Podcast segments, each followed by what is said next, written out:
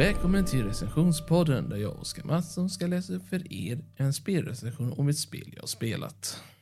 Veckans spel är Star Wars Empires War Gold Edition. Uh, vilket långt namn.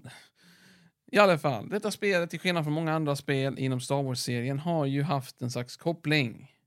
Det vill säga stilmässigt, storymässigt eller helt enkelt bara varit i bakgrunden utav riktiga Star Wars-serien. Eller Canon-serien. Detta spelet dock försöker hålla sig till basspelet, eller ja, basstoryn. Jag ska förklara nu mer eller mindre hur exakt, ja, hur exakt detta spelet spelas ut och hur de, ja, eftersom det heter Gold Edition ska jag också förklara att det är två spel. För först och främst, två delar, en expansion och en basspel. Vi ska börja med basspelet som är det mest basic av Star Wars. Men innan jag börjar med detta ska jag också nämna att det är ett RTS-spel, eller Real Time Strategy. Med inte ett, utom två lägen. Mark och rymd. När det gäller markbana så är det ungefär som Age of Empires i spelstilen. Ungefär. Rymddelen dock är mer eller mindre spamma skepp tills fienden inte kan spamma skepp.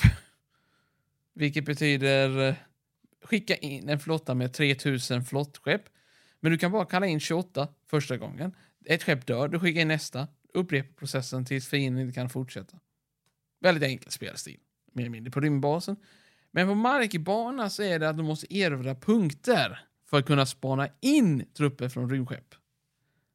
Detta RTS-systemet är imponerande tycker jag, men det finns vissa begränsningar och många av dessa begränsningar har fixats med folk som har blivit intresserade av spelet. Modifik modifierat det så att det funkar bättre med mods, som det kallas. Men i alla fall, tillbaka till ämnet.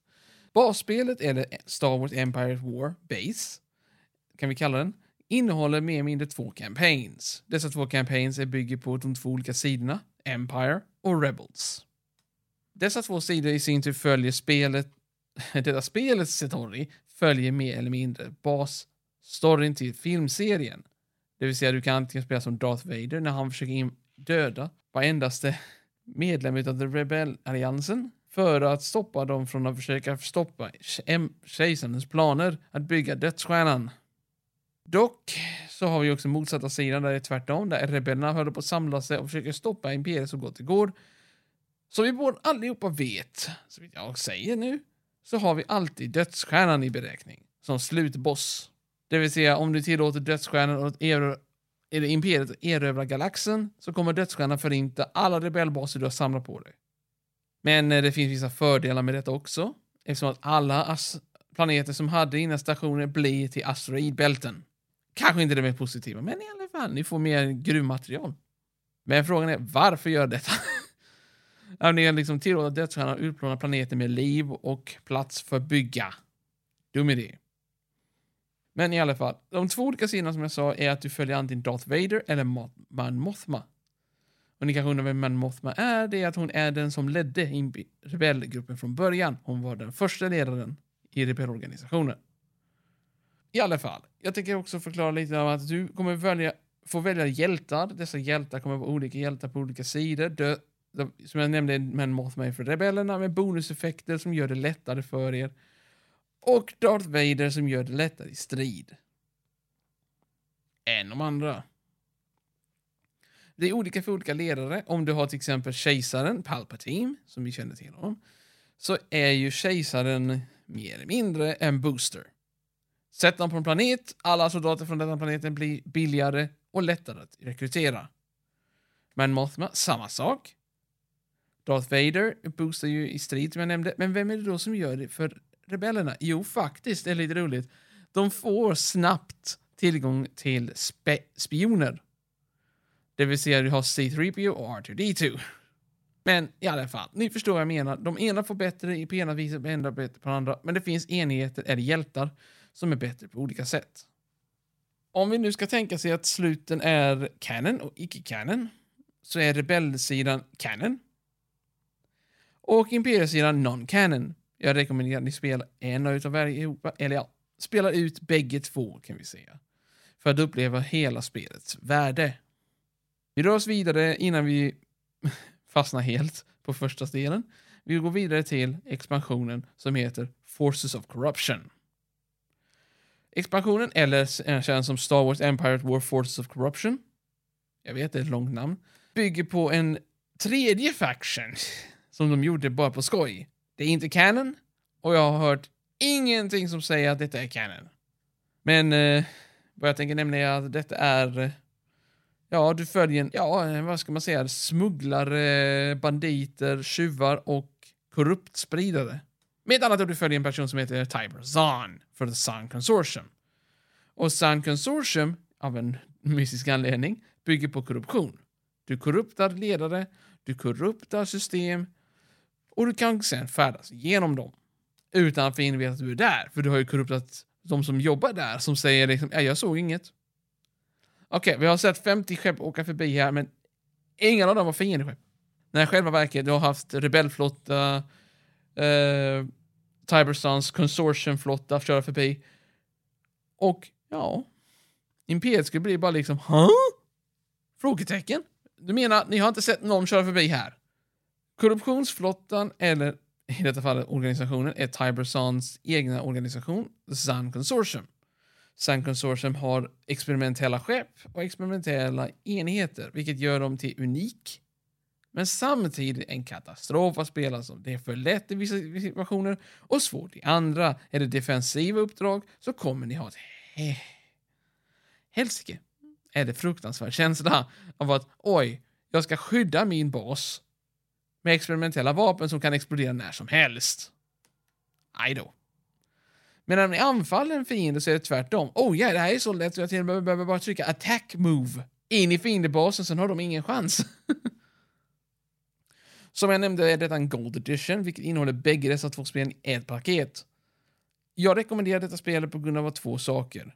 Ett, Du får två spel. Två, Funktionen på detta spelet har blivit uppgraderad tack vare andra utvecklare som har, eftersom att detta spelet är ett dött spel, anser många. Vilket är lite sorgligt för att skaparna sa nej, vi kommer inte göra en uppföljare. Även om vi är intresserade av det, sa de, men vi har mist en sak som är viktigt. Rättigheten. Detta ledde till att spelet blev ensamstående som Gold Edition, men inte mer. Men moddare eller modifikationsexperter har ju mer eller mindre tagit upp spelet och sagt hej, det här låter enkelt och både episkt att göra någonting nytt. Den första modden jag fick veta som lades till heter Additional Units. Och lägger till mera enheter. För normalt sett så i rymdstrider kan du bara vara 30 skepp. Vissa skepp kostar en, två eller tre slots. Nu var det så att han, den här skaparen tänkte nog inte på rättvisesystem utan han tänkte hmm, hur kan jag göra det roligare? Från 30 till 120! Ni låter, det låter katastrofalt. Och ja, det är det. Spelmotorn klarade inte av nästan alltihopa, men vissa bra datorer kan klara detta. Tack vare detta så har ju, när det gick ut på Steam efter ett tag. Jag köpte detta för länge sedan när det var standardvara, du vet, i kassett med skiva. Men sen köpte jag det på Steam och upptäckte, oj, det finns något som heter Steam Workshop. Som är samma sak som Free Mods fast överfört till Steam. Och det gjorde mig otroligt glad. Det var lätt att ladda ner, det tog lite tid beroende på vad det var för vissa modifikationer är 2-3 GB större än vad man tror. Men många av dem är otroliga. Expanded Universe-paketet till exempel, Thrones Revenge, uh, Republic at War. Det är bara några av dessa mods som använder basspelets funktioner. Många av dessa har den uppgraderats till Force of Corruption-versionen, vilket gör så att det blir bättre stabilare och mer skepp och mer faktioner. Tack vare det eftersom att basspelet bara kunde ha två faktioner. That's it. Sorgligt. Men tack vare Force of Corruption-uppgraderingen så kunde de faktiskt ändra så att man kunde ha över åtta fientliga faktioner att välja på. Som högst. Några har försökt att göra så att det blir faktiskt tio, men då kraschar spelet. Det klarar inte helt enkelt för mycket. Mitt betyg på detta var innan, när jag tänker på det. Alltså, jag tänker på att säga detta en gång. Men mitt originalbetyg var faktiskt 7. Men eftersom att åren går med detta spelet så tyckte jag att den förtjänar i alla fall någonting liknelse. Eftersom att det är gammalt så tänkte jag betyga med 0,5, vilket betyder 6,5 av 10. Det är ett bra spel, värt det. spela uppföljaren om du vill få reda på en otrolig berättelse med Sankar Sorsen och Tiber Zahn. Men också, jag rekommenderar basspelet i sig eftersom att storyn där hänger ihop med Star Wars-filmerna. I alla fall upp till från episod 4 till 6. Däremellan så kommer det vara otroliga klipp som ni kan ha hört talas om i storyn, men aldrig varit med om. Med denna spelet så vill de egentligen visa denna bilden. Jag hoppas att ni njöt av den här recensionen. Jag tänker inte avslöja för mycket för jag kan säga en sak, Han Solo finns med. Och eh, han är inte en enhet utan två med Chewbacca inräknad. Overpowered. ja, i alla fall. Tack för mig och jag hoppas att ni njöt. Hej då!